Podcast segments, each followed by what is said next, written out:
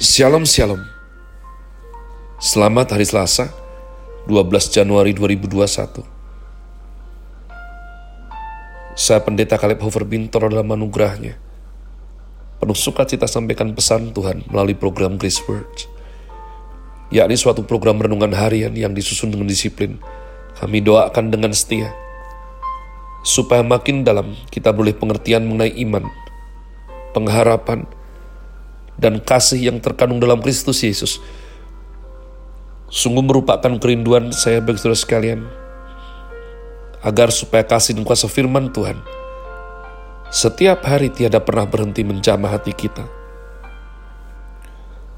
Mentaklukkan pikiran kita kepada Kristus Yesus.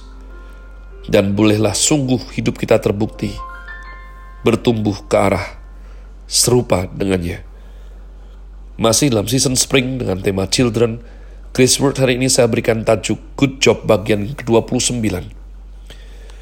Good Job bagian ke-29, mari sekali lagi kita membaca kitab suci hingga habis yang yang mana sesuai agenda adalah Fatsal 29 kitab Ayub. Kemuliaan yang dahulu dan kesengsaraan yang sekarang. Maka Ayub melanjutkan uraiannya Ah, kiranya aku seperti dalam bulan-bulan yang silam, seperti pada hari-hari ketika Allah melindungi aku. Ketika pelitanya bersinar di atas kepalaku, dan di bawah terangnya aku berjalan dalam gelap.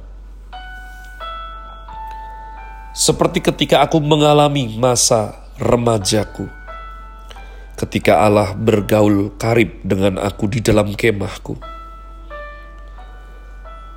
Ketika yang Maha Kuasa masih beserta aku dan anak-anakku ada di sekelilingku. Ketika langkah-langkahku bermandikan dadih. Dan gunung batu mengalirkan sungai minyak di dekatku. Apabila aku keluar ke pintu gerbang kota dan menyediakan tempat dudukku di tengah-tengah lapangan Maka ketika aku kelihatan, mundurlah orang-orang muda, dan bangkitlah orang-orang yang sudah lanjut umurnya, lalu tinggal berdiri. Para pembesar berhenti berbicara dan menutup mulut mereka dengan tangan. Suara para pemuka membisu, dan lidah mereka melekat pada langit-langitnya. Apabila telinga mendengar tentang aku, maka aku disebut berbahagia. Dan apabila mata melihat, maka aku dipuji karena aku menyelamatkan orang sengsara yang berteriak minta tolong. Juga anak piatu yang tidak ada penolongnya. Aku mendapat ucapan berkat dari orang yang nyaris binasa. Dan hati seorang janda kubuat bersukaria. Aku berpakaian kebenaran dan keadilan menutupi aku seperti jubah dan serban. Aku menjadi mata bagi orang buta dan kaki bagi orang lumpuh. Aku menjadi bapak bagi orang miskin, dan perkara orang yang tidak aku kenal ku selidiki. Geraham orang curang ku remuk, dan merebut mangsanya dari giginya. Pikirku, bersama-sama dengan sarangku aku akan binasa, dan memperbanyak hari-hariku seperti burung feniks. Akarku mencapai air, dan embun bermalam di atas ranting-rantingku. Kemuliaanku selalu baru padaku, dan busurku kuat kembali di tanganku. Kepadakulah orang mendengar sambil menanti. Dengan diam, mereka mendengarkan nasihatku.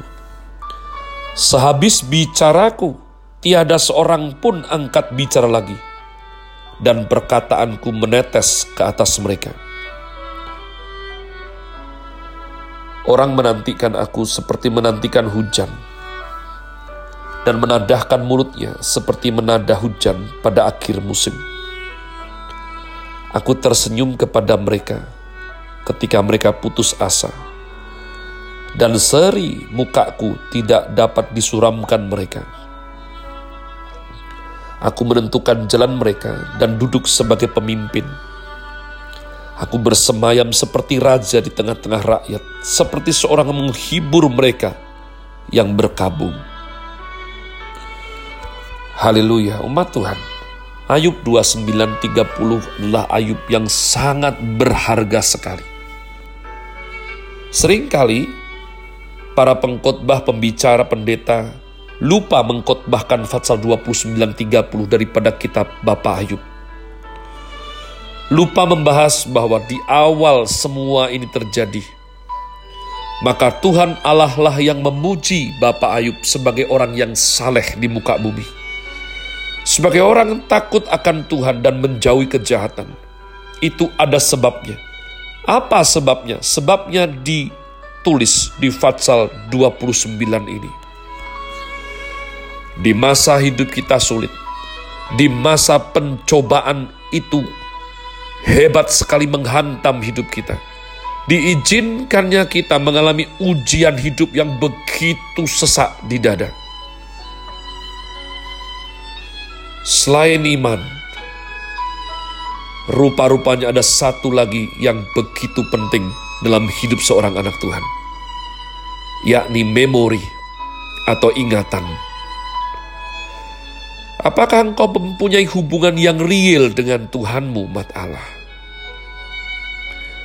Apakah engkau mengingat hari-hari di mana engkau berjalan bersama Tuhan? Apakah engkau masih ingat hari-hari ketika tangannya melepaskan engkau dari jerat?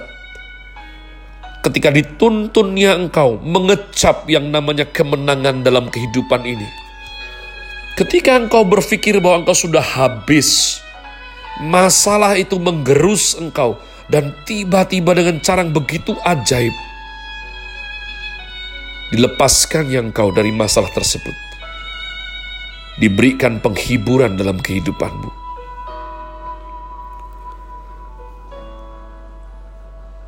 Ayat Fatsal 29 dalam kitab Ayub ini menurut saya adalah suatu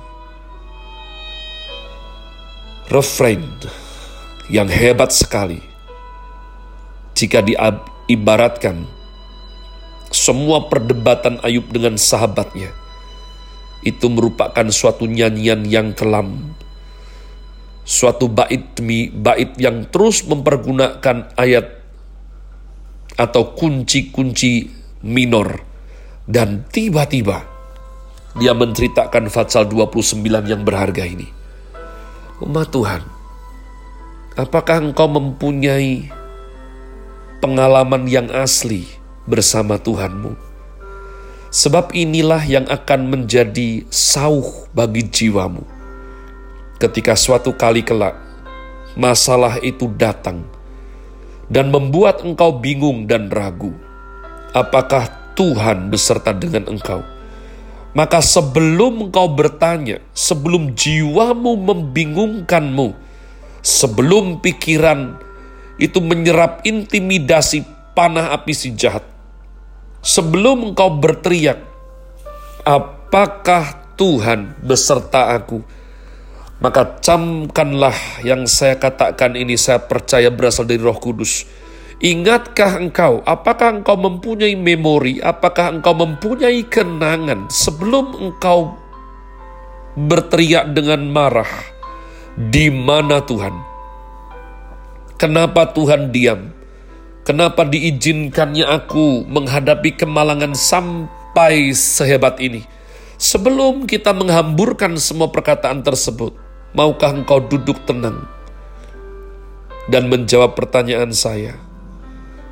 Pernahkah engkau berjalan bersama Tuhan? Apakah engkau memiliki pengalaman asli berelasi dengan Tuhan? Apakah saat teduhmu itu valid? Apakah engkau menikmati hadiratnya ketika engkau menyembah? Bapak Ayub berkata, ketika mengalami masa remajaku, Allah bergaul karib dengan aku. Di dalam kemahku, dia mengalami umat Tuhan. Inilah sauh yang sangat kuat sekali. Sehingga di tengah badai pencobaan ujian yang begitu hebat. Ya, Bapak Ayub berkata kasar. Bapak Ayub curhat habis-habisan. Tapi tetap dia tidak menghujat Tuhan. Tetap dia tidak masuk dalam kategori murtad umat Tuhan. Apa yang diserukannya adalah keinginannya untuk mati saja. Tapi bukan berarti dia melawan Tuhan seperti orang fasik, seperti orang Kristen yang dangkal, yang tidak punya keaslian pengalaman berjalan bersama Tuhan.